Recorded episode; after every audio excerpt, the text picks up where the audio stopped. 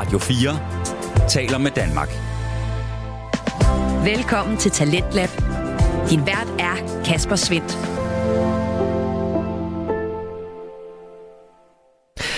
Hvordan øh, er den danske drukkultur i forhold til den kanadiske, og øh, hvordan får vi egentlig solens varme stråler omdannet til energi? Det er noget af det, du kan få svaret på her til aften, hvor vi endnu en gang kaster os ind i det danske podcast Vækslag. Det gør vi med to af slagsen, og øh, vi skal både høre fra samtalepodcasten mellem veninder, og lidt senere bilpodcasten, der ja, nøgler løs inden for biler. Velkommen til. Du lytter til Radio 4. Og vi starter altså ud i samtalens kunst sammen med Josefa Nielsen og Anne-Sophie Sackenberg. De øh, præsenterer her podcasten Mellem Veninder, som øh, både bevæger sig inden for de klassiske samtale-podcast genre-træk, men også er helt sin egen. For øh, mellem Josefa og Anne-Sophie, der er der altså et øh, flow, som jeg virkelig nyder. Det er det samspil, der både viser den gode relation imellem vores værter, men også hvor godt en samtale-podcast egentlig kan lyde, så længe værterne svinger, og øh, så er det faktisk næsten lige meget, hvad emnet så end er. Heldigvis så går de to unge kvinder også op i indholdet, og i aften der tager de en samtale om vores alkoholkultur. De præsenterer en samtale, som hverken er hellig eller fordømmende, men også med et øje på, hvad de negative sider kan være af et af Danmarks kendetegn. Du kan høre den øh, underholdende, informerende og til tider også endda inspirerende samtale lige her.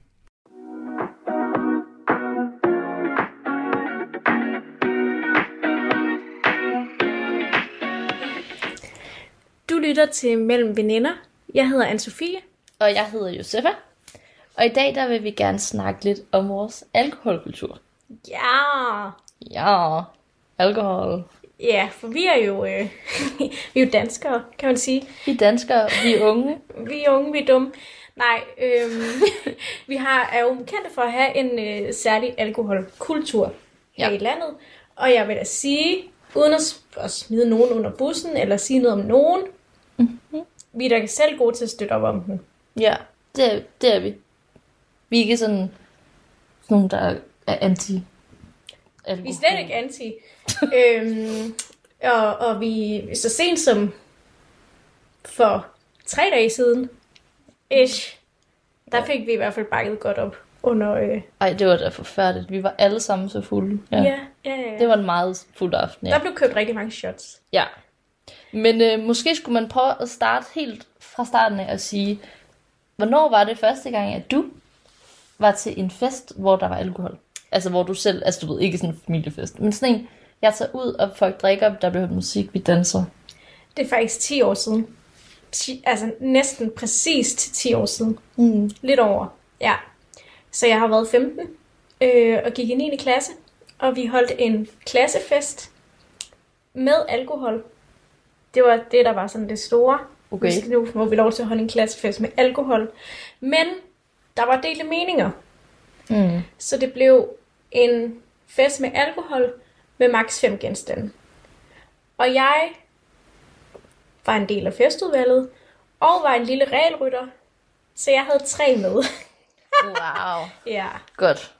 God pige. Øhm, det var ikke første gang, at jeg drak alkohol, og det var heller ikke første gang, jeg blev fuld. Men det var første gang, jeg var til sådan en fest med Mm. alkohol. Ja, hvad med dig? Jamen, altså, jeg synes, det er sådan svært at huske. Jeg ved ikke, hvorfor jeg mixer det lidt sammen. Du har været så stej. Jeg, og det var jeg overhovedet ikke, jo. Nej. Øhm, jeg, altså, jeg har jo epilepsi, øhm, og det betyder jo, at det er ikke super godt at drikke alkohol. Det er sådan noget, jeg så har valgt at ikke at lytte så meget til, efter jeg blevet voksen. Men jeg, jeg blev først sådan rigtig fuld, da jeg var 18. Så, men altså, jeg har været til rigtig mange fester, og det startede med, at den store venindegruppe, jeg var i, vi var sådan outgoing girls. Så vi sådan drak en gang imellem, og jeg kan huske en gang, der var der nogle af dem, der blev fulde. De, de havde taget nogle forældres alkohol, drukket noget vodka, var blevet mega fuld, væltet rundt og tissede. Ja, det skal jeg nok ikke fortælle om. Det er jo, det er jo nogle, en anden historie at fortælle. tissede. Jamen, tissede nogle spændende Ja, historier. ja, ja. Men øh, det tror jeg ikke, vi skal ind på. Men øh, ja, øh, så jeg har været til ret meget med mm, forskelligt, og, sådan, og der, sådan, der måtte jeg sådan drikke en breezer så gik rundt med den hele aften og sådan noget. Ja. Ej, men du kunne ikke tage noget vand. Nej, jeg fordi jeg kunne jo ikke lide det stak på tungen heller jo. Åh, Jeg, nej, kan, jeg, jeg kunne jo ikke lide sodavand heller, så Nej. jeg, kunne jo, jeg gik jo bare, den blev lunken, for jeg synes jo ikke, det var lækkert. Det var også det, der var problemet. Det var faktisk ikke kun fordi, at jeg sådan, det var også fordi, jeg var sådan, ad. Ej, undskyld, det er fordi, jeg sidder og er chokeret, fordi al den tid, jeg har kendt Josefa, der har hun bare bællet den ene breezer ned efter den anden. det, er sådan, det er hendes foretrukne, næsten. Ej, okay. Det er din foretrukne cider. Ja, ja, det er min foretrukne cider. Og Josefa drikker ikke øl. Jeg drikker ikke øl, nej. Jeg, Så- jeg er mere en, en cocktail eller en lille drink. Ja. Pige. nu. Så du kunne ikke lide breezer Jeg kunne engang. ikke lide breezer engang. Nej. Jamen, det er rigtigt. Ja. Men så tror jeg, at sådan, den rigtige første sådan, fest, det var sådan en af mine bedste veninder, der havde fest, og der var sådan nogle udvalgte fra klassen, der blev inviteret. Det var ikke så godt, men det var sådan faktisk ikke godt. Sådan en del af pigerne, og så sådan cirka alle drengene fra begge år. Ej, det var forfærdeligt. Det var The more boys, the merrier. Ja, det var i 8. klasse. Så det var nok der, at vi har bare sådan en rigtig sådan stor drukfest, og folk blev mega fulde, og alle kyssede bare på tværs af, og du ved, sådan rigtig sådan, og, sådan, og jeg var jo bare sådan lidt generet. Jeg, sad, jeg tror, jeg drak to, to breezer den aften. Åh, Ja. Så det var nok, ja, det var nok min første gang der, at, øh, at jeg ligesom var til sådan en rigtig fest. men var du egentlig ked af, at du ikke kunne drikke, eller havde du det egentlig meget fint med? Og Jeg var ri- rigtig ked af, at jeg ikke måtte. Altså, det var også... Altså, jeg tror, at hvis, hvis, jeg, hvis det havde været bare sådan, du drikker bare, så havde jeg tvunget mig selv til at presse dem ned. Men fordi jeg vidste, at jeg kun måtte drikke de der to, så var jeg sådan, jeg kan lige så godt holde det hele aften. Og jeg, altså, jeg er jo en af dem, og det er jo noget, det jeg synes, der er det allerpinligste at indrømme. Men dem, der kendte mig dengang, ved det. Altså, at jeg lå som om jeg var fuld. ja, Fordi at jeg gerne ville være med i fællesskabet. Og sådan det der med, at man pludselig var ved at blive til noget andet og blive stor, og alle andre var fulde, og var sådan, ej, jeg gjorde bare det her, jeg var så fuld, og ej, ej, jeg har det så dårligt, og ej, hvad sker der? Og gjorde alle mulige ting, og ej, og ja, alle de der ting, der hørte med. Det var jeg sådan ked af, og jeg følte sådan, at der begyndte jeg sådan at komme ud af fællesskabet, fordi at jeg ikke kunne det, og og de synes også, at man var sådan lidt kikset, hvis man ikke man havde lyst til at feste og drikke og sådan noget, så, så ville jeg hellere lade som om, at jeg var med til det, selvom at jeg kun var halvt med til det. ja, jeg forstår. Jeg vil sige, det der med, eller nu blev du så ikke beskyldt for det, men jeg kan, jeg kan faktisk godt genkende det der med, og, og sådan rigtig gerne ville være fuld. Mm. Og jeg tror måske også, altså sådan, når man starter med at drikke, det kan godt være, at man ikke bliver sådan banke lam, men jeg tror da godt, du har sådan kunne mærke det lidt de første par gange, du har Ej, det kunne jeg, det kunne jeg også. Fordi jeg vil også sige, jeg blev beskyldt for til den der fest, hvor jeg tog de der tre genstande med. Og spille stiv, men det var ikke noget, jeg sådan bevidst gjorde. Nej. Men for det første kan man jo, at hvis alle andre er sådan her, "Ah, wow, Ja. så er det meget, altså sådan, så er det meget naturligt, at man så sådan spejler og går med. Ja. Det er faktisk virkelig rigtigt, og jeg tror egentlig også, at jeg sådan... Der var også noget i mig, der ikke sådan tænkte over, at nu vil jeg spille fuld. Jeg var også bare sådan... I ved ligesom, at man, man hyler med de ulve, man er i blandt. Lige præcis, ja. Så sådan, at når de andre var fjollet, så var jeg også fjollet. Og, Ja. og, så, og så er jeg jo også virkelig sådan sensitiv. Så sådan, jeg bliver virkelig, jeg bliver også meget hurtigt fuld den dag i dag, det ved du. Ja, ja. Øhm, Og så du- sådan, jeg kunne selvfølgelig mærke det, men du ved, man, man kørte måske lidt med på den, og blev lidt mere fuld i sit udtryk, end man var. Præcis. Øhm, Ja. For jeg vil også sige, at jeg kom jo fra den. Jeg kom fra en lidt omvendt kultur. Det var den første og sidste sådan fest, der blev holdt med alkohol. Drenge, de kørte deres eget løb, og også de fleste af os piger i klassen, vi synes faktisk ikke, at de var så nice. Øhm, og jeg kan huske, at jeg gjorde faktisk meget ud af, jeg har også i 8. klasse holdt et oplæg i engelsk om, at det slet ikke er særlig nice at drikke. Uh. Og det var ikke noget, jeg var blevet betalt for. Jeg mente hvert et ord, jeg sagde. Mm. Øhm, og til sidste skoledag i 9. klasse, øh, og der tænker jeg karameldag Mm-hmm. og udklædningsdag, og op i Nyborg, hvor vi er fra, der er det noget, der hedder den grønne, man skal op og drikke på. I udklædning, ja. Ja, og der er en DJ, Ja, det er fedt. og folk er så stive. Og vi sad nogle piger fra min klasse, altså vi hyggede os, vi havde det mega sjovt, men vi drak bare altså Pepsi Twist hele dagen. Pepsi Twist.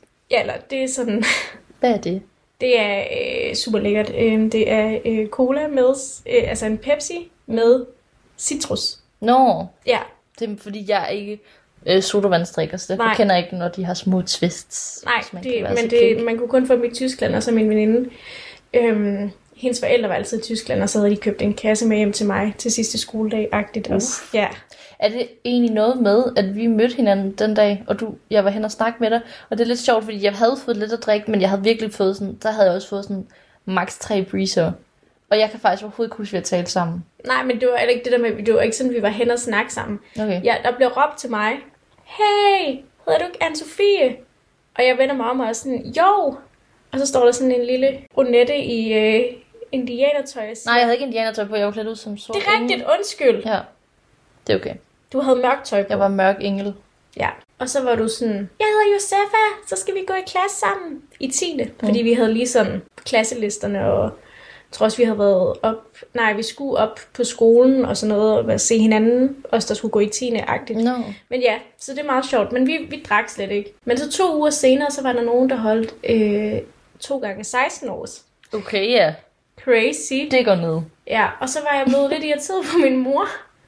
Og så var der et eller andet i mig, der tænkte, nu skal jeg også prøve det der stivhed. Og så fyrede jeg bare ned, og jeg tror, jeg har fået syv genstande eller sådan noget. Fordi det er også det der med, jeg, var, jeg havde fået sådan et indtryk af, at man skulle drikke fucker meget for at blive stiv. Mm. Som om du nærmest skulle drikke en flaske vodka. Altså sådan, jeg anede slet ikke, hvad øhm, proportionerne var på det. Og det har jeg også hørt mange andre sige. Så ja, der, altså, det var første gang, jeg var fuld. Jeg kan Det- tydeligt huske det. Ej, hvor sjovt. Jeg kan faktisk ikke huske, hvornår første gang jeg blev fuld, fordi altså, jeg, sådan, jeg begyndte jo at drikke lidt mere, da vi sådan begyndte i gymnasiet. Og så, da jeg fyldte 18, altså min mor vidste godt, at jeg var begyndt at drikke sådan lidt mere og sådan noget, sådan, vi havde samtaler om det og sådan noget. Men Det, og jeg havde sagt til hende, det øjeblik, jeg bliver 18, så, så, så begynder jeg at drikke mig fuld, fordi det er noget, jeg gerne vil. Det, ja, det sagde jeg. Bare så ved det. Det er noget med mit liv. Nej, men jeg var sådan, at det kommer jeg til ikke at blive sådan, være en hemsko for mig, fordi jeg, jeg vil gerne opleve den del af ungdommen, og jeg synes, det er sjovt at feste og sådan noget, og ja, ja og sådan nogle ting. Så min mor vidste det godt, så da jeg blev 18, så gi- gik jeg bare amok, og jeg blev, ja, jeg, jeg, jeg, jeg føler, jeg blev meget fuld generelt til alle arrangementer. Lige efter du var blevet 18. Ja, Ja, det, jeg vidste, jeg har ikke været så opmærksom på det, men nu du siger det, og jeg kigger tilbage. Jo, det er rigtigt. ja, jeg blev meget fuld. Ja, jeg kan ikke huske din 18-års fødselsdag dog. Jeg kan Men- faktisk heller ikke huske min anden år. Hvad var det for Men vi har ikke... Jo, vi har. Nej, vi har ikke. Måske har vi givet dig 18 shots. Men ikke 18 algo-shots. Nej, vi var altid sådan gode. Jeg har altid været imod det der med at skulle have, ja, 16, Ja, så får man noget vand, noget sodavand, et eller andet, ikke? Ja, eller sådan, så er der et shot kaffe. Altså sådan, så er der noget, hvis, der, altså, hvis folk er sådan, kan tåle det, eller sådan er friske nok, så kan der være et, eller et shot mælk. Altså nogen, som også Jeg gjorde, jeg lavede hældte en gang et, glas, et par mælk op til et af vores veninder, Ja, eller en af vores veninder, og hun kastede op af det. ja. Det var ikke så godt. Men det er jeg mener, altså sådan afhængig af, hvor sådan friske eller sådan stærke folk er i det Ja. med ting. Det kan også, der er sikkert også nogen, der ville synes, det var sjovt at få et tabasco-shot, ikke? Mm. Men, og det synes jeg faktisk også er sjovere, fordi øh, du dræber bare en person. Altså, Ja. Don't ja, det, do det, it. Så, altså, så, hvis man tager, altså, hvis man for eksempel giver dem shotsene klokken, skal vi sige klokken 11 eller sådan noget, så, så er de der jo ikke til midnat. Nej, altså nej, men det, jo- fra du har givet dem dem, så har de det lidt fedt i to minutter, og så dør de. Altså, ja. jo ikke, men... Og så det har jeg altid været imod, så det har vi heldigvis aldrig gjort. Nej. Men generelt, så har vi faktisk haft en mega god venindegruppe. Ja, i forhold til alkohol. Der har aldrig været sådan pres. Altså sådan, jeg følte jo lidt i mine gamle venner, som jeg, hvor jeg jo ikke drak rigtigt. Øhm, der følte jeg jo lidt, der var et pres på mig. Og jeg, jeg blev også udskammet, for, da de, op, da de sådan konfronterede mig med, at det var fake. Og sådan noget meget. Nå. Det var også lidt der, sådan, det begyndte sådan det der med, at vi stoppede med at være uvenner, fordi de, altså, de ydmygede mig totalt. Det må jeg bare sige. Lige meget. Det gider jeg faktisk ikke gå ind i lige nu. Det, det er en anden, en anden historie. Men altså, altså, det gider jeg ikke komme ind på. Men det jeg vil sige, det var egentlig bare, altså, der er jo rigtig mange mennesker, som har oplevet, tænker jeg, at der er et gruppepres i vennegrupperne, og der er en forventning om, at man skal drikke på en bestemt måde, eller ja, drikke en bestemt mængde, for at man er lige så nice som de andre, især når man er de der sådan, ja, det er jo forskelligt, om folk starter, når de er 14 eller 17 eller 18, men altså de der aldersgrupper der, hvor man begynder at synes, at alkohol er spændende, og det skal være en del af sådan det at hænge ud og fællesskabet og weekenderne og sådan noget.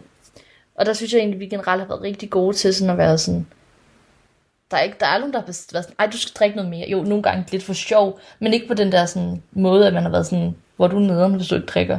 Nej, præcis. Vi har kørt på hinanden, men jo kun til en vis grænse. Også fordi vi har jo heller aldrig været interesseret i, øh, og sådan, at der var nogen, der skulle ende med at ligge sig ude på toilettet og kaste op. Det har vi bare altid været super bevidste om. Og også, altså sådan... Det betyder så ikke, at det ikke er sket, men vi har ikke presset hinanden til det. Nej, det har været nogle andres skyld. Personen selv. Ja, ja, præcis. Øhm, og altså, jeg er også blevet opmærksom. Jeg vidste ikke, at vi var så heldige. Det var fordi, for mig var det jo bare en selvfølge, for det var mm. det, jeg sådan ligesom var vokset op med, var jeg lige ved at sige, men ja, det var det, jeg havde jeg oplevede, så da jeg kom på højskole og oplevede, der oplevede jeg også en super god kultur, men der talte jeg med nogen om, at de var glade for, hvor god en kultur vi faktisk havde, fordi de havde været vant til noget andet, hvor jeg tænkte, ej, hvor må det være skrækkeligt Ja. og føle sig presset til det. Jeg kan huske, der var en, som ikke uh, drak alkohol, og alle var bare sådan, hvor er det stærkt, hvor er det sejt, og det er et eller andet sted, ikke? Hvor er det lidt stygt egentlig, Ja, det Altså skal være sådan- sådan, ja. at det så alle bare sådan, altså, Klap, klap, klap. Ja. ikke fordi jeg vil tage noget fra øh, den person, fordi jeg ved godt, jeg ved udmærket godt, at det, det, det er svært, fordi det er en fællesskabsting. Mm. Men det er ærgerligt, at det skal være sådan en, at det skal være en flot ting at kunne vælge det fra, fordi det er så svært at vælge det fra i forhold til kulturen og det fællesskab, som der hører med til alkohol. At det ikke bare er sådan, nej, jeg kan ikke lide at drikke alkohol. Nå, okay, fint nok, jamen vil du så, jeg har en Fanta, eller du ved sådan, altså at det er sådan, wow, du, det er virkelig sejt, at du tør lade være, Ja. agtigt. Det er, ja, det er lidt det, der er trist i det. Radio 4 taler med Danmark. Du er skruet ind på programmet Talent Lab her på Radio 4, hvor jeg, Kasper Svendt, i aften kan præsentere dig for to afsnit fra Danske Fritidspodcast. Her først er det fra samtalepodcasten mellem veninder, der består af Josefa Nielsen og Anne-Sophie Sackenberg. De snakker i aften omkring vores alkoholkultur, og vi skal nu et øh, smut med til Kanada, hvor drukkulturen måske er en anden.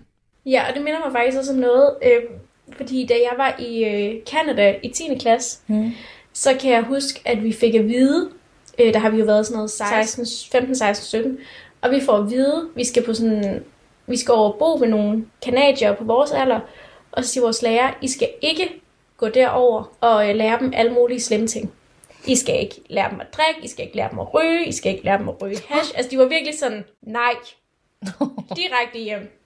Så vi kommer der med gode intentioner. Jeg tror, at dem, som røg, de fandt nogle små steder lige ryge en lille Sigge Bob. Men vi var egentlig meget uskyldige, men så blev vi inviteret til en fest. Og så mig og min kanadier, eller hvad man skal kalde det, jeg boede ved. Hun er så nede og hente tre øl i skjul. Okay.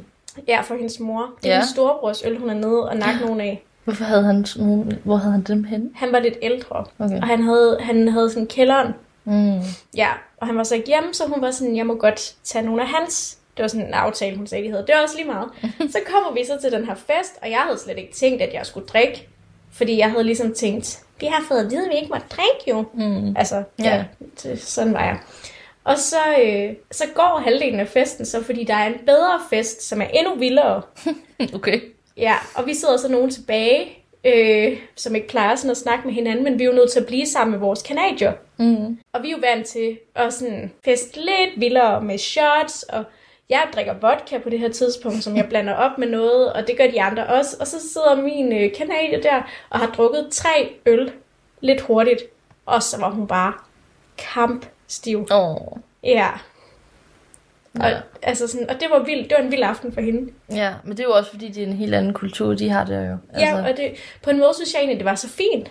ja. Fordi jeg tænkte sådan, fuck, hvor, hvor drikker vi meget. ja. Meget. Det sætter lidt nogle ting i perspektiv, sådan at, altså hvor stor forskel der er, ikke? Altså kontrasten på en, en mega fed og vild aften for, ja, for en, en ung kvinde i Canada versus en almindelig lørdag aften for en dansk kvinde, ikke? Jo, og ved du hvad, de havde joggingtøj på. Du mener i forhold til de outfits, vi kører med, eller hvad? I hvert fald på det tidspunkt. Altså sådan, der var, der var jeg sådan, øh, er vi til slumber party? Eller er vi til party? Jeg var, kan faktisk godt huske den alder der, sådan noget øh, 8., 9., 10. Øh, hver gang, at jeg var øh, til fest, så havde jeg altid kjole på. Jeg havde en lille frej, altså en lille... Ja, en lille kort. Jeg havde lille sådan kort, den der The Little Black Dress-agtige, den der. Er det Carrie, der taler om den? Det, det er mange, tror jeg. Men Jamen, det ja, var sådan den der. Den ved. havde du altid på. Okay, Det er rigtigt. det kan du også huske. Ja. Ja. Man var sådan, den var go-to, den, den sad godt de rigtige steder, og du ved, den var sort, så hvis man spildte, altså det var bare smart. Det var praktisk på alle måder. Ja, og du var jo ikke alene om det. Nej, Ikke for at tage noget fra dig. det, ja, det var jo en ting, altså Ja. alle gjorde, føler jeg. Ja, præcis. Øhm, og jeg kan også huske, en gang har vi også, skulle, nogle af os skulle drikke i kemitimen. Det er jo mega bizart egentlig. Jeg forstår faktisk ikke, hvorfor han fik lov at blive ved at arbejde der. Ja, det var jo vores, det var, altså da vi var kommet på gymnasiet, så lavede i vores kemi som et led af vores kemiundervisning, der skulle vi have en dag, hvor at vi var delt ud i nogle grupper, og så skulle en person drikke sig fuld i vodka. Altså, det var ikke meningen, at personen skulle drikke sig Nej, fuld. men det var skulle være sådan, at det var sådan noget med, så skulle man lave sådan nogle øvelser, for eksempel sådan noget, jeg tror det var noget, eller man har en skraldespand, og så er der en, øh, så skal man lave en bold, og så skal man se sådan, hvor langt frem man kan ramme, og så sådan noget med, når de så har drukket, sådan, at det, så man så skulle blive dårligere til, til sådan noget med at sigte. Det var sådan noget med øh, refleksions... Øh, øh, og reflek, refleksion og motorik og sådan nogle ting. Ja, lige præcis. Påvirkning af alkohol. Det var et, øh, det var et collab, var jeg lige vil sige, med idræt.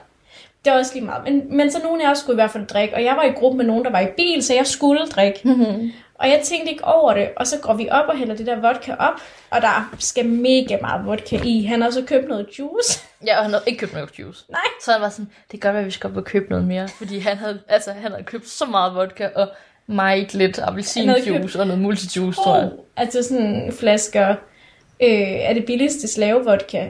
Og så havde han købt to liter appelsinjuice, og det er bare sådan... Så så mange mennesker også. Jamen, jamen, jamen, jamen, der, der, der, der skal jo altid mere juice i end vodka. Ja, mindre man kører halv-halv. Men mindre man er... Det gør man ikke. Nej, Skal og det burde man heller ikke. Det skal man ikke. øhm, og vi blev så fulde, altså os, der drak det. Ja. Og vi, jeg gad slet ikke lave de der øvelser. Vi, vi holdt bare hyggeklub og snakkeklub. Og ja, da jeg kom hjem, så var min far sådan, er du skide fuld eller hvad? Jeg var sådan, ja. Manden synes jo, det var meget bizart, at hans datter kommer hjem fra gymnasiet på en mandag eftermiddag. Jeg måtte aflyse min sangundervisning, ikke? Jeg mener bare, da det skal stod på, jeg stillede ikke så mange spørgsmål til han ved det. Jeg synes bare, det var fedt. Det var sådan den fedeste dag i skolen. Ja. Men det var jo forfærdeligt, når man ser tilbage, det var en ting, og jeg er så ret sikker på, at det ikke er lovligt også. Eller sådan, Nej, men jeg vil sige, altså nu, nu altså uden at, men havde øh, en veninde, som, som havde nogle, ikke så, altså nu havde nogle konsekvenser på det, men hvis jeg tager det ud, altså jeg hyggede mig. Jeg havde en dejlig dag, og det havde nogle af de, at vi andre hyggede os. jeg synes, jeg hyggede mig også, og jeg var en af dem, der ikke var fuld, så, fordi jeg synes bare, det var morsomt. Jeg kan huske, der var en af drengene, som ikke drak så tit, og han var sådan virkelig fuld, og jeg kan huske, at han væltede ned en, og satte sig på en radiator skævt, så faldt han om bag ved den, og så lå han bare og sådan, oh, oh, og sådan noget, og man tænkte bare, okay, der er sgu gang i dig. Ja, jeg tror også, han erklærede sin kærlighed til en af Oh, pigerne. ja, jo, ja, det var det, han gjorde det. ja, De blev faktisk et par senere. ja, de gjorde, ja. det var Så det, var- det var skideskægt. kom du godt ud af det. Ja, nej, men jeg mener bare, og det, det, det, desværre ser jeg stadigvæk sådan tilbage på det, som det var en meget sjov dag. Ja.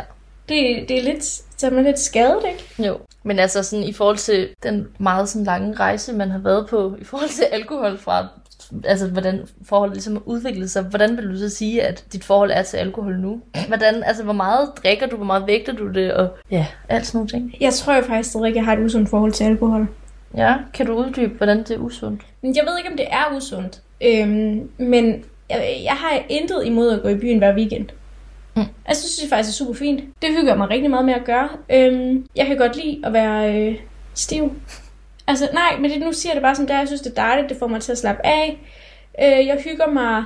Jeg har det mega grineren. Ja. Jeg ved ikke, hvad jeg skal sige. Det, det er sådan, jeg har det med det. Hvis du, du spurgte sige, mig du. Nej. vil du drikker hver weekend? Altså, ish, ikke? Altså, det er jo, der er jo selvfølgelig nogle... Men så omvendt, så er der også nogle weekender, hvor jeg drikker to dage i streg. Så det er... Ja, det vil jeg sige. cirka. Ja. Hvad med dig? Vil du vide, hvor tit jeg drikker, eller hvad mit forhold er til alkohol? Begge, jeg vil meget starte med dit forhold. mit forhold til alkohol, det er sådan, at jeg er meget bevidst om det på en eller anden måde, fordi, både fordi jeg har haft i starten af mit alkoholliv, det var det lidt svært, og så har jeg også kendt nogle mennesker tæt på mig, da jeg var barn, hvor jeg sådan ikke kunne lide, når de blev fulde, og ikke fordi der var noget med, jeg synes bare, det var sådan utrygt. Så derfor så har jeg altid sådan, for, altså jeg har altid haft sådan en, en form for afstand til alkohol, selvom jeg selv har drukket, men jeg har altid været sådan, men man skal også passe på med det, eller sådan. Så jeg sådan, men jeg, jeg er også en person, som, jeg kan sagtens også finde på at drikke hver weekend i lang tid, men jeg bliver også lige pludselig meget bevidst og tænker sådan, men det er ikke noget, jeg vil gøre hele mit liv. Det er jeg meget bevidst om, at det ikke sådan, jeg har ikke lyst til, at det skal være noget, jeg tager med altid. Og samtidig så er jeg også meget sådan bevidst om, at nogle gange skal man lige, hvis man har drukket lidt for meget, så tænker jeg, måske skulle jeg lige holde en pause. Og, og, det, er, og det er også altså en kombination af, at jeg sådan har det forhold til alkohol, men også fordi, at jeg også er bevidst om, at jeg jo har epilepsi, og tænker, nu skal du også lige skrue ned, og lige Ja, det giver mening. lad din hjerne være sig selv, eller lige lande. Så sådan, jeg, jeg, vil helst, jeg vil helst undgå at drikke mere end en gang i- hver weekend, vil jeg sige. Det er, sådan, det er i hvert fald sådan. Og, sådan, og så vil jeg også, altså hvis jeg, jeg, jeg drikker nok, jeg vil sige gennemsnit hver anden weekend. Det tror jeg, jeg gør. Gør jeg ikke det? Og så nogle gange, jamen jeg ved godt, så nogle gange er Ja, det så ja, men det, to, ga- to gange i streg, og tre gange i streg, og så kan det være, der går to-tre, hvor jeg ikke drikker, du ved. Så jeg tror, at det er sådan gennemsnit, vil jeg sige, det nok er hver anden weekend. Ja. Og det, og, og det synes jeg også er lidt for meget. Jeg havde lidt håbet, at jeg... Ja, I know. Men jeg havde lidt håbet, at jeg ville være lidt mere sådan... Ej, jeg har ikke så meget lyst til det. Ja, men, Men- men jeg ved bare ikke, hvad man ellers skal lave. Ej, det lyder mega sørgeligt. Ja, det var meget sørgeligt. Hvad skal man ellers lave? Det har du ikke nogen bud på. I weekenden? Du har også lige spurgt mig, om vi skulle og drikke fredag. Ja. Og vi, ej, du var så fuld lørdag, shit. Anto var så forfærdelig fuld lørdag. Ej, det var du. Ja, ja. Jeg fik en masse spændende snaps, da du kom hjem. Fulde snaps. Ej, det havde de glemt. det har jeg ikke. Vi så dem først dagen efter. Så godt, man ikke kan gemme dem. Ja, det er lidt ærgerligt faktisk. Ja, ej, det, er, sætter- det er jeg meget glad for. Også fordi du så så sød, fordi du sådan... Man kunne godt se, at du havde været lidt hård dag, så dit pandehår det var sådan helt ud til siden og lidt varmt. Og sådan, du, var sådan, du var ret nuttet og fuld, og du havde sådan en stemme. Og jeg havde jo ikke tænkt over det, sådan, da jeg var sammen med dig, at du lød fuld. Fordi jeg var jo selv fuld, så jeg tænkte jo, vi talte normalt. Ja, ja. Men så da jeg kunne høre så, så gik din stemme bare sådan, og sådan, "Ah, men så, yeah. og sådan, når du talte, tænkte jeg sådan, har det, men var jeg også sådan, og var det også sådan, da jeg var sammen med dig og sådan noget? Altså, jeg havde så mange spørgsmål. ja. Fordi jeg tror virkelig ikke, at man selv bemærker, hvor fuld man er. Jeg vil også sige, at jeg er super glad for, at jeg ikke bliver filmet, hver gang jeg er fuld, fordi så tror jeg faktisk, at det ville skræmme mig. altså, så tror jeg faktisk, at jeg vil stoppe med at drikke på stedet. Det kunne være, at man skulle prøve at filme sig så. Ja, men det skal være en hel aften. Ja. Ej, altså sådan, jeg kan også nogle gange vågne op og cringe så hårdt over de ting, jeg har sagt eller gjort. Men jeg tror måske, jeg er lidt mere sådan hyggelig pinlig, Ja. hvis det giver mening. Det er ikke fordi, jeg sådan vågner op og har været har mega moralsk på tømmermænd og bare svinet den og den og øh, bollet med min venindens ekskæreste og alle mulige ting. Det gør jeg jo ikke. Nej. Det gør jeg jo ikke. Nej. Også fordi de har fandme ikke nogen ekskærester, fordi de har været sammen. Nej, det var okay. en spøj. Men altså, det gør jeg jo ikke. Jeg er jo sød. Ja, ja, det synes jeg. Og jeg føler også selv, at jeg er sådan en, der er bare sådan lidt kick. Jeg, jeg føler Ja. ikke, jeg er sådan ubehagelig fuld. Men det kan jo godt være, at det er bare min egen tolkning. Nej, det er også min tolkning. Du er max hyggelig pinlig. Ja. Ja, Jeg du er ikke pinlig, men altså sådan, du ved, hvad man mener. Er sådan, lige kan være en cake inden lige. Ja, ja, Ja. Hvor man får sagt noget, som er sådan, det vil man aldrig sige ædru. Ja. Ja. Men det er ikke, fordi man siger, ja, et eller andet fuldstændig vanvittigt Ja. ja. til folk. Nej. Nej. Ja, men, men Men- det er alkohol. Det er alkohol, det er alkohol. Men jeg er jo for eksempel, når, nu, når du nu siger, at du ikke skal gøre det for evigt, det tænker jeg altså heller ikke, jeg skal. Okay. Nej, men det vil jeg bare sige. Nej, og det er ikke ment som i, at man ikke, efter Det man har fået børn, kan gerne. tage ud og få en cocktail, eller, og, eller at andre kan gøre ligesom de vil gøre det hver weekend, hvis det er, de vil. Det er ikke det. Men jeg, jeg altså, og jeg vil da også gerne sådan kunne drikke en gang, hvis jeg har lyst til det. Men jeg håber lidt, at sådan, den dag, jeg for eksempel gerne vil have børn, at jeg tænker, det er ikke så vigtigt for mig mere, og så kan man lige en gang hver tredje måned få, gå ud for en cocktail med veninderne, og lige få en lille hyggeskid på. Det er, så man tips af. Ja, sådan tips. Man skal ikke Går være sådan, fuck, det gik bare ned, man. Jeg var Ej, hammerstiv. fordi- Det håber jeg, at det stopper. Jamen det er også fordi, hvis man skal være mor, så er der jo børn, når Ja. man vågner. Ja. Og de vågner jo tidligt. Ja. Og der vil man jo gerne være nice. Ja. Ja. Jeg har heller ikke lyst til, jeg vil for eksempel, jeg har sådan meget sådan specifikke tanker i hovedet om, at, at ja, mine børn, så længe de er børn, så skal de aldrig se mig fulde. Nej, Og har på sådan- samme måde. Og det, altså jeg har aldrig set min mor fuld, og det synes jeg er mega rart, for jeg har altid været meget tryg. Så det er også noget, jeg gerne vil give videre på den måde. Fordi det er sådan, det synes jeg virkelig er, er rigtig rart som barn at have en, man ved, at der altid bare er styr på tingene agtigt, og Ja. som ikke Præcis. lugter af alkohol eller opfører sig anderledes. Eller sådan. Det, er bare, det er bare det samme. Jeg har også først set min mor fuld, efter jeg blev 18, og kunne begynde at hente hende. Jeg har aldrig set min mor fuld. Og der vil jeg også bare sige, og det, er- det, det kunne jeg sagtens håndtere. Ja. Der var du også blevet voksen jo. Jamen det er jo det, jeg mener. Altså, ja. sådan, der, der var jeg sådan, jeg ved præcis, hvordan du har det, skatter. Agtig jo. Hvor at hvis jeg var barn, så havde det været så... Jeg kan huske første gang, jeg oplevede nogen, der var fulde, der var jeg faktisk stor. Jeg var ikke et lille barn, men jeg var alligevel et barn. Mm. Og det var heller ikke mine forældre, jeg oplevede fulde. Mm. Øh, mine forældre var ædru. Men det var simpelthen så ubehageligt, at det vil, jeg, det vil jeg ikke... Altså, jeg kunne heller ikke tænke mig at være fuld foran dine børn. Giver det mening? Mm. Ja, det er også tit sådan forældres venner, som ja. Jeg har set det. Hvor man er sådan, hvorfor er du så mærkelig? Hvorfor lugter du af øl? Ja, Eller hvorfor lugter du af gær? sådan gæret. sådan, ja, ja. ja. Men igen, altså den der alkoholkultur der, den, den, som vi jo har, vi støtter godt om, op her for den danske kultur af alkohol, den er, Ja. den er der bare, og den er vist kommet for at blive. Tror du Ja. ikke det? Altså i hvert fald i kulturen. Jeg siger ikke, at den er blevet også for evigt, men jeg føler, at den bare er der, og den, Det er igen det der med måde og sådan nogle ting, og jeg vil slet ikke gå ind, fordi jeg, føler, jeg er slet ikke et sted, hvor jeg føler, jeg kan udtale mig om en masse viden, fordi jeg er så heldig, at jeg ikke selv har et alkoholmisbrug. Jeg har ikke Mhm. nogen tæt på mig, der har et alkoholmisbrug, så jeg vil slet ikke, det vil slet ikke udtale mig om. nej.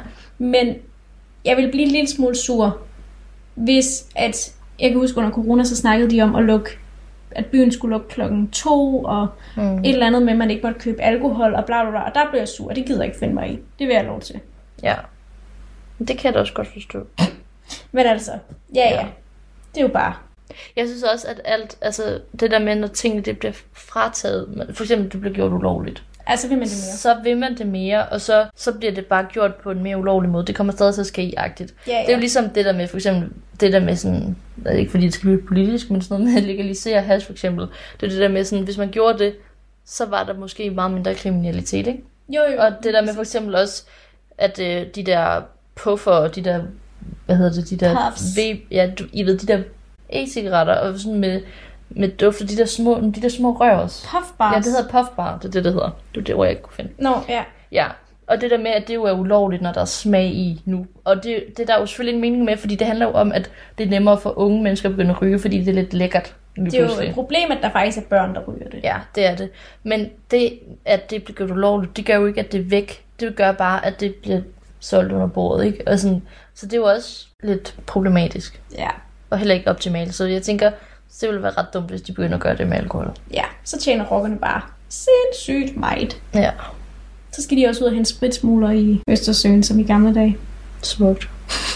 Ja, Ja. Men det, det er vores take på alkohol. det er vores take på Alkohol. alkohol, på vores alkoholkultur. Ja. Dyrk det i moderate mængder. YOLO, tror jeg er budskabet herfra. Pas Ja. på hinanden. Pas på hinanden, øhm, lev livet, som du gerne vil, men også lige tænk over, pas på dig selv. Ja. Og skud ud, hvis du er over 23 og begyndt at få tømmermænd. Ja. Jeg føler med dig. Og også en ting til, buk ikke under for gruppepres. Den er også vigtig. Hvis det er, du har lyst til at drikke, og dine venner siger, prøv lige at drikke, så lad være alligevel. Fordi være. du skal gøre det, du vil. Ja, så fedt er det heller ikke. Så fedt er det heller ikke. Og man kan sagtens have det sjovt, selvom man ikke drikker. Ja. Og den står jeg ved. Og den står jeg også ved. Den har jeg levet på i de første del af min festliv. Jo. Altså, Same. jeg, altså jeg, jeg, var jo, jeg, sådan, jeg var jo fuld på energien. Ja, det kan Ja. jeg også godt være, Det kan- jeg skal køre. Ja, ja. Ja, ja men øh, tak for snakken. Jamen, selv Og øh, vi lyttes ved, forhåbentlig, derude.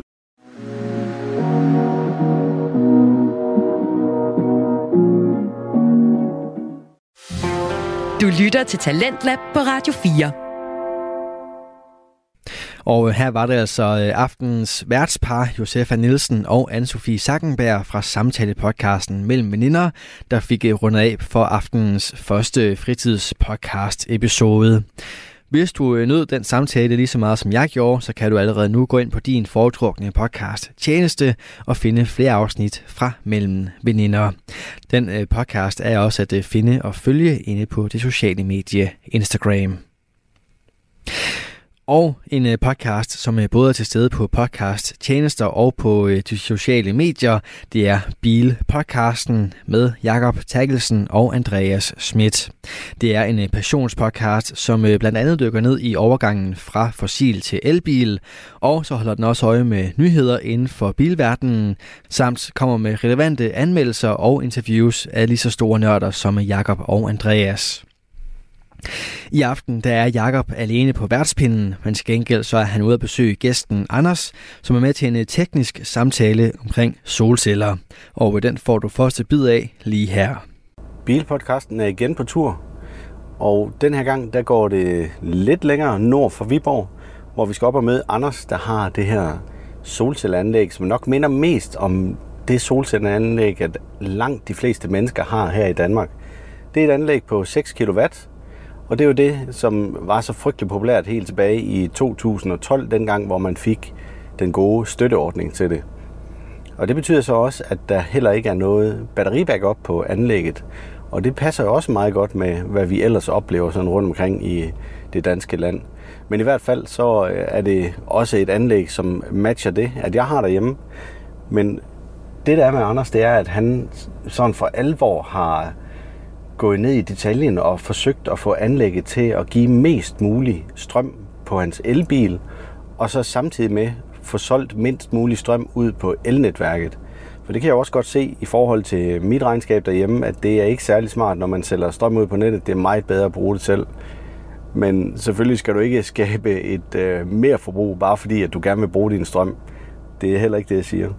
Inden at jeg lige starter selve podcasten, så bliver jeg nødt til at undskylde en lille smule, fordi at øh, vi har desværre, ligesom sidste gang, at vi var ude med det her nye mikrofonsæt, en øh, sender, som ikke, eller en mikrofon, som ikke optog.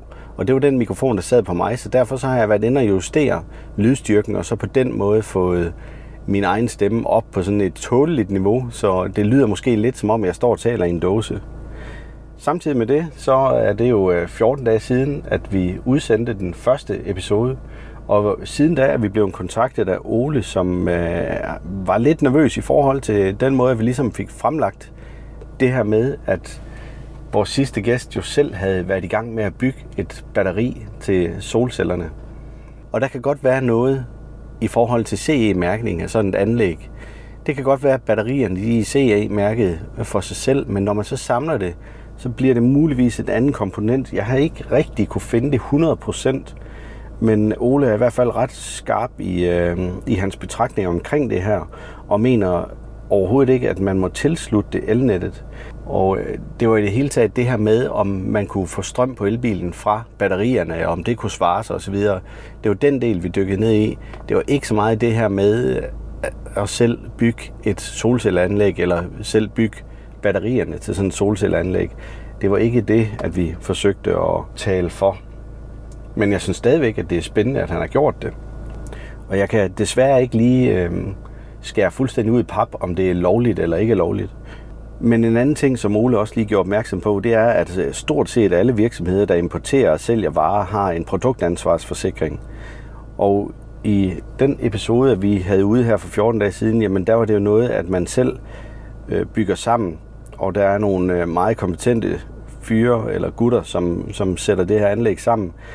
Men der er jo ikke nogen garanti og forsikring på produktet, eller måske heller ikke i forhold til det, at det skader. Men igen, så har jeg talt med både øh, den ene og den anden forsikring efterfølgende for at finde ud af, om der kan være et problem ifølge det her. Og jeg spurgte jo også vores gæst, om han havde talt med hans forsikring, som han havde, og der var altså ikke noget problem, fik han oplyst i forhold til hans forsikring. Og de to forsikringer, jeg har talt med, det er to af de større på det danske marked, de oplyser også, at normalt så vil sådan et anlæg være dækket, også selvom man selv har bygget det. Fordi man må jo formode, at man bygger anlægget ifølge den lovgivning, der er. Men det er op til en selv at skulle kunne dokumentere, at det er bygget på lovlig vis, og man har overholdt producentens anvisninger. Og der kan måske være nogle problemstillinger der, som jeg slet ikke tør at tænke på, hvordan man skulle kunne dokumentere, når alting det er brændt. Så derfor så er det, jeg kan kun give det videre, at det er ekstremt vigtigt, at man sørger for at få dokumenteret alt det, man laver, inden at man ligesom sætter det i drift. Uanset hvad, så er øh, meldingen givet videre, og jeg synes, det er super fedt, når nogle af vores lyttere rækker ud til os i forhold til noget, vi har sagt eller gjort, hvor der godt kan være noget at være i tvivl om, så er det rart, at vi lige har mulighed for at få det rettet op i en senere episode, og det er så det, at vi har forsøgt på med den lille snak eller monolog, som jeg lige netop har haft nu her. Men jeg glæder mig til at komme op og så møde Anders, det er et afsnit, der nok er lidt mere tungt i forhold til det tekniske, fordi han har utrolig meget data på det anlæg, at han har, og det har han samlet helt tilbage fra 2012, så der er altså noget at hente her. Men jeg lægger nogle billeder op på hjemmesiden, så I har mulighed for at se, hvad det er, at vi snakker om. Velkommen til Bilpodcasten. Her bliver du klogere sammen med os. Mit navn er Andreas. Og mit navn er Jakob. Du kan glæde dig til en serie af episoder fra Bilpodcasten, hvor vi sætter fokus på det at skifte fra fossilbil til elbil. Vi ser også på, hvor strømmen den kommer fra. Vi kigger på tidens tendenser, og af og til kommer vi til at anmelde nye elbiler fra forskellige mærker. Nu er jeg så næsten ved at være nået frem til Anders. Anders, det er vores passionerede solcelleanlægsejer med et 6 kW anlæg, ligesom jeg selv, som ikke har batteri-backup. Og øhm, det bliver spændende at komme ind og høre ham, men jeg kan ikke lade være med lige at, at grine en lille bitte smule, for jeg synes godt nok, jeg er ved at være ude på landet. Og en af de sidste bygninger, jeg har kørt forbi, det var faktisk en bygning, hvor der stod Brevdueforeningen på. Det, det siger bare lidt om, hvor langt man er ved at være ude på landet, når det er sådan, at der er foreninger for brevduer. Men øh, om, som sagt, så glæder jeg mig i hvert fald til at komme ind og så møde Anders og så høre lidt om hans solcelleanlæg. Da Anders han jo bare har en af de anlæg på 6 kW, som der virkelig ligger mange af rundt omkring i det ganske danske land. Men jeg glæder mig til at komme ind og høre om det. Hej, velkommen til. Tak skal du have. Jeg hedder Jakob. Anders. Anders, tusind tak, fordi at du vil være med til Bilpodcasten her, og så ja. gøre os alle sammen lidt klogere på, hvordan det er at have solceller og, og så elbil, og om man overhovedet kan få noget ud af det. Ja, velkommen. Jeg synes, det er sjovt at snakke om, så Yes. skal vi starte med at gå en tur rundt udenfor lige at se, hvad det, hvad det er for noget, jeg har. Ja, lad os gøre det. Jeg kan så se, at elbilen den holder her lige ved siden af huset. Den holder midt i det hele. Det er det dyreste impulskøb, jeg nogensinde har gjort. Er det en impulskøb? Ja, vi har fået, øh, vi har fået elvarme i øh, 2021, Ja. og, øh, og det var så det, der gjorde, at, øh, at elbil også kunne være interessant. Problemet med, med solceller og, og elbil er, at, øh, så har du blandet øh, strøm med og uden afgift i huset. Ja. Og øh, så alt med refusion af elafgift, det er, jo, det er jo så ikke en mulighed. Nej.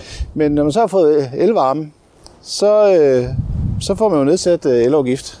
Ja. Og øh, Så er det så ikke så relevant lige nu, fordi at der ikke rigtig er nogen. Nej, lige, lige, nej, det var der så tilbage i 2021. Ja. Men, øh, men, men det gjorde, at så var det pludselig interessant at kigge på. Ja.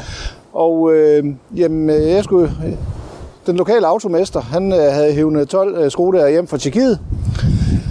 Og øh, han havde slået op pludselig en fredag eftermiddag, at øh, der var, øh, at det var de første seks kommet. Så om søndagen, så var vi oppe og kigge. Ja. Og så kan man stå og kigge på en række biler, og så sige, den der, den vil jeg gerne købe. Så det der med at skulle vente halv eller hele år på en eller anden bil, det, var, det er jeg ikke så god til. Men øh, når man kan stå og kigge på en bil og prøve en tur, og så købe den, det er jo nemt. ja, det er nemt. Så får man med hjem med det samme. Det er jo noget. Så den skulle bare have nummerplader, men så skulle jeg jo have ladestander op i en fart. Og øh, som, øh, som du kan se her, det er, at jeg har lidt, lidt hus og lidt udhus. Ja. Og, øh, og det er jo kun i huset, jeg havde strøm nok til sådan en. Så for at det skulle gå stærkt, så kom jeg ladeboksen op og sidde direkte på huset. Ja. Vil du have gjort det anderledes, hvis det ikke skulle have gået stærkt? Både ja og nej. Vi har flere biler, end vi har garageplads. Ja. Øh, og, og en elbil, den kan jo tøse sig selv op og noget. Så, så planen er, at jeg skal have en ladeboks med op over i, i garagen. Okay. Men, men der skal lige graves en 50 meter randen over først. Ja. Ladeboksen er købt, men øh, randen er ikke gravet endnu. Men det er simpelthen fordi, jeg planer om at få to elbiler. Jamen, det går lidt den vej. Vi har stadigvæk campingvogn, øh, og øh, den trækker man ikke så langt med elbilen. Så så længe vi har campingvogn, så, øh, så er det nok vigtigt med, med en brændstofbil, der kan trække det. Ja. Men, øh, men, vi er tre med kørselsbehov her i husstanden. Den store knægt, han øh, har også behov for det, så vi er oppe på at have tre biler. Ja. Øh, og så bil nummer, ja, bil nummer et er en elbil, og så bil nummer to, det er jo så campingvognstrækkeren, og bil nummer tre, det kunne altid godt være en elbil. Jeg kan se, at din ladestander, det er en is-ladestander. Ja. Hvordan kan det være, at det lige blev en is? Den, øh, de, var, de var lidt fremme i skoene med, øh, med muligheder. Den, øh, den er lidt smartere end, end gennemsnittet. Mange af de bokse, som for eksempel Clever, der er store på markedet herhjemme, Ja. der er ikke så mange muligheder i. Men, men Is, de har, altså deres er fuldt integreret med deres egen server. Den har en masse muligheder for integration med alt muligt andet. Og samtidig så understøtter den så også, at du kan sætte op til tre ladebokse op på samme kabel. Du kan se, det kabel, der kommer ned her, det er på tykkelse med en tommeltot. Ja. Det er et 10 kvadrat kabel. Ja. Det kabel det er kraftigt nok til, at øh, du kan sætte to ladebokser op. der, der sammen kan trække 22 kW. Også helt over til garagen. Så det vil sige, at du kan se forbinde Eller, Ej, de, par, ej, de, parallelt, de sidder parallelt, ja. men på det samme kabel. Ja, okay. Så smækker jeg tre bokser op ved siden af hinanden her, så kan de også automatisk øh, fordele øh, den tilgængelige strøm imellem sig. Det, det ligger direkte i boksene. Lidt ligesom man kender det fra nogle af de offentlige ladestander. Ja, jeg har, øh, jeg har 35 ampere ind til huset. Ja. Og øh, sådan nogle ladestander her, de understøtter jo øh, 22 kW, eller træk 32 ampere. Ja, så det er faktisk den, den helt store. De, de, kan, de kan trække stort set alt det, der kommer ind til huset, og specielt hvis du så sætter to op ved siden af hinanden. Jamen, så, kan du så begrænse det, så du er sikker på, at der ikke sker skade? Ja, altså til at starte med, den bil, jeg har, den kan kun lade med 11 kW. Ja. Øh, og så samtidig med, at, øh, at hvis du har købt en ekstra ladestander, så har jeg også fået et interface til min elmåler på. Ja. De kalder det en equalizer. Men det er i princippet bare en, en lille boks, man sætter til elmåleren, og så læser den ud hele tiden, hvor meget overskud er der. Sådan at, at, så den er så indstillet til, at jeg har 35 ampere sikringer. Så den sikrer så, at hvis der er noget i huset, der bruger, bruger så meget strøm, at vi nærmer os grænsen, så skruer den ned for, el, for laderen. Det er lidt sjovt, at I ikke har integreret det i selve ladeboksen. Jamen, så skal, det er der også nogen, der har, men så skal du have kabel op til, til elmåleren. Ja, ja. Her sidder, sidder der en lille ekstra boks ved elmåleren. Den skal måle direkte på elmåleren?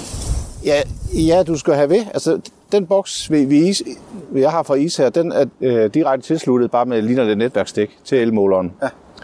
Det gør jo så, at de værdier, den her ud, det er jo direkte netselskabets mål, øh, målværdier. Ja. Og det skal jo der, hvor strømmen kommer ind i huset.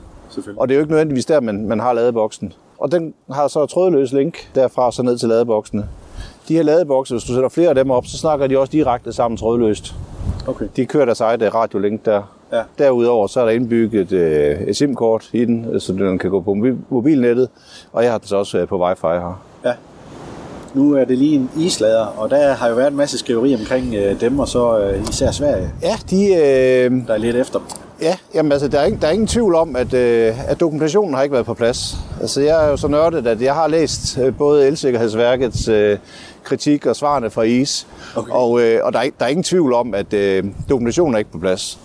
Det rigtig gode spørgsmål, det er så, om de reelt har nogle løsninger, der ikke er gode nok, eller om, øh, om det kun er dokumentationskrav, der, ja. der er problemet. Ja.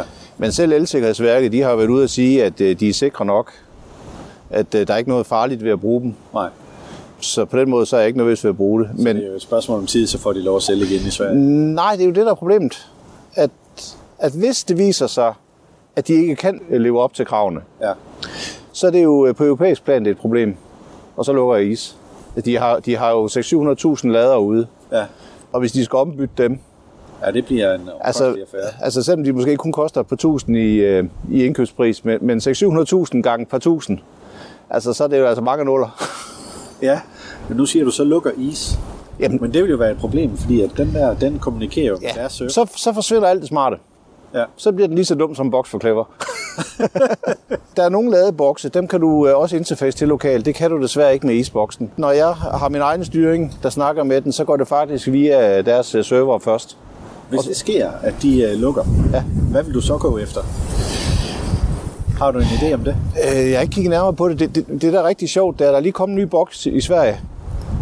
Øh, den ligner lidt en version 2 af den her. Ja. Det, det virker som om, at de har taget hele kravspecifikationen for is, med alt det smarte, den kan. Ja. Og så har de gjort det, og så har de derudover også lige gjort de ting, som is har fået kritik for ikke at dokumentere ordentligt. Okay. Kan du huske, hvad den hedder? Øh, nej, men det kan jeg finde. Ja. Det sjove er, at selv designet ligner. Den har den samme LED-stribe på fronten. Okay. øh, men, men, men der, hvor den adskiller sig, en af de ting, den har fået kritik for, det er, at øh, altså traditionelt, så har du et fejlstrømsrelæ, der er mekanisk. Ja. Vi kender det herhjemme som et øh, HPFI-relæ i, i vores eltavle. Ja. Men så er det fejlstrømsrelæ, der er faserne, det, det, det er egentlig sådan rent mekanisk, de virker elektromekanisk, at hvis der løber en lille strøm, den gale vej i den, så slår den fra. Og så har man en, en afbryder, man kan slå tilbage, og man har en prøveknap. Og det har isladerne ikke? Nej, de har lavet, lavet en elektronisk løsning i stedet for. Der sidder en lille mikroprocessor, der overvåger hele tiden, hvad der sker. Og så er det sådan, man siger, mikroprocessor, der skal afbryde relæerne. Ja. Øh, det er den nye svenske boks her. De har en helt traditionel fejlstrømsrelæ. Det kan man pille yderst af fronten af, og så sidder der helt traditionel fejlstrømsrelæ inde i den. Ja, okay. Og det skal der så åbenbart gøre? Nej, det, det, det behøver du ikke. Men hvis du følger standarden slavisk, ja. så, så er, det, er det den løsning, der er foreslået. Hvis man så vælger at lave noget andet, så skal man så dokumentere det lige så godt. Fordi hvis du tester den her boks, som, øh, og det har for eksempel den danske sikkerhedsstyrelse også gjort, Ja. de har en fin instruktionsvideo, der viser, øh, at man med en dobbelt isoleret øh, ladeboks og kabel til, så behøver man ikke fejlstrømsrelæ i tavlen. Så har de faktisk en instruktionsvideo lige præcis med isboksen, og de sætter deres øh, testudstyr til og viser, at den slår fra, som den skal. Øh, Elsikkerhedsværket siger, at den ikke er farlig at bruge. Ja. Og, øh, så, så derfor har vi for nuværende ikke nogen kommentarer. Og at, øh, Jamen, det er lige præcis det. Ja. Altså, de har testet den og ikke fundet nogen fejl. Jamen, der, jamen, den forskellen er jo, at, at selvom du tester, at noget ikke fejler, Ja. så er det jo ikke det samme, som det lever op til standarden. Nej, nej, det er jeg med på. Det er jeg med på. Fordi en af de ting, som de også får kritik for, det er, hvorvidt den er vandtæt nok. Jeg har kabel ned i toppen af min, Ja. igennem en gummimanchet, og jeg har faktisk derudover selv sat en ekstra strips omkring, fordi jeg synes ikke, at den virkede så tæt. Den nye svenske boks, den har sådan en helt almindelig klassisk gennemføring, hvor du skruer en krans ned omkring. Ja. Ligesom man, altså, sådan, som man altid har brugt i industrien. Ja. Fordi at, altså det, det, er nemt at udbedre. Man kan også med ret nemt montere et ekstra fejlstrømsalat i tavlen. Så, så mange af tingene kan man godt komme udenom. Men, Okay, øh, jeg tager et billede af det. Ja, selvfølgelig. Og så er det igen, jamen det er bare at føre kablet videre fra den her. Den kan virke som, som samleboks også. Ja. Og så er der bare 50 meter derovre. Ja. Så Hvor har du dine solceller til at stå? Solcellerne, dem har jeg på taget af udhuset. Og øh, de ligger i to felter. Ja. Jeg startede med, med det store felt mod syd. Lad os gå om i læ herom til at starte med.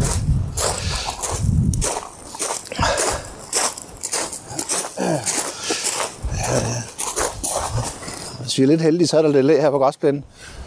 Nej, som du kan se så på taget, så ligger der noget solvarme også. Ja. Den, øh, jeg er under den der nettomålerordning, der blev vedtaget i 2010. Og øh, i 2010, der var solcellerne simpelthen for dyre. Jeg synes, det var spændende. Ja. Øh, men det blev jo ikke til noget. Men til gengæld, så kom jeg til at købe noget solvarme, som jeg så lagde op. Har du fået nok ud, effekt ud af dem? Jeg har et problem, og dem har jeg ikke måler på. Nej. Ja, men øh, de burde give mig, hvad der svarer til 3.000 kWh om året.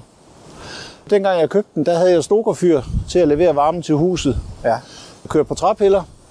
Det stod nærmest stille fra, fra påske til, til efterårsferien. Fordi det var for, egentlig for stort til det. Det, det kunne ikke rigtig, jeg kunne ikke selv starte og stoppe, og det var ikke så godt til at modellere driften.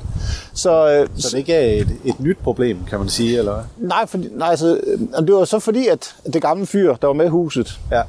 at det, man kan sige, det var fint om vinteren, men når vi så var nede foråret, så slog det fra på, at det ikke kunne være med varmen, og så blev det koldt igen nogle dage, og så blev badeværelsesgulvene kolde. Ja. Så solvarmen, den, altså jeg bruger det, har primært brugt det til at få noget varme i, i gulvet i badeværelser og i køkkenet. Ja. Sådan at uh, gulvene de var behagelige også i forår og efterår.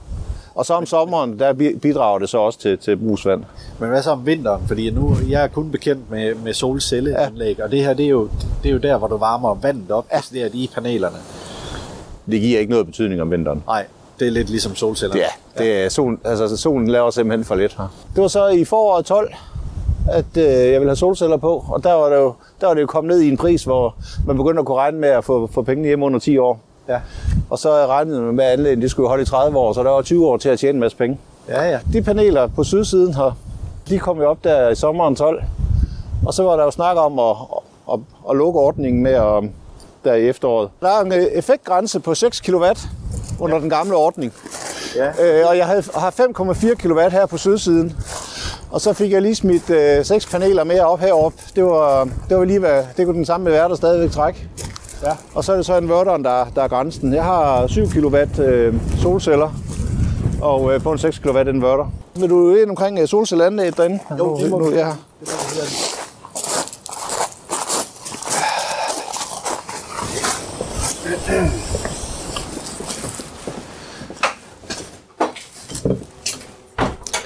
Danfoss inverter fra, fra 2012. Ja. Og den blev valgt, øh, fordi det var en af de få trefasede inverter dengang. Jeg, havde ikke, øh, jeg har kun 2,5 kvadrat kabel af den gamle slags mellem hus og udhus. Ja. Og øh, ved at så køre for en trefaset inverter, så, øh, så fordeler den jo og udnytter kablet bedst muligt. Oprindeligt var kablet kun lavet til, egentlig til stokerfyr. Ja. Så i 2012 kom der en, en ny eltavle op.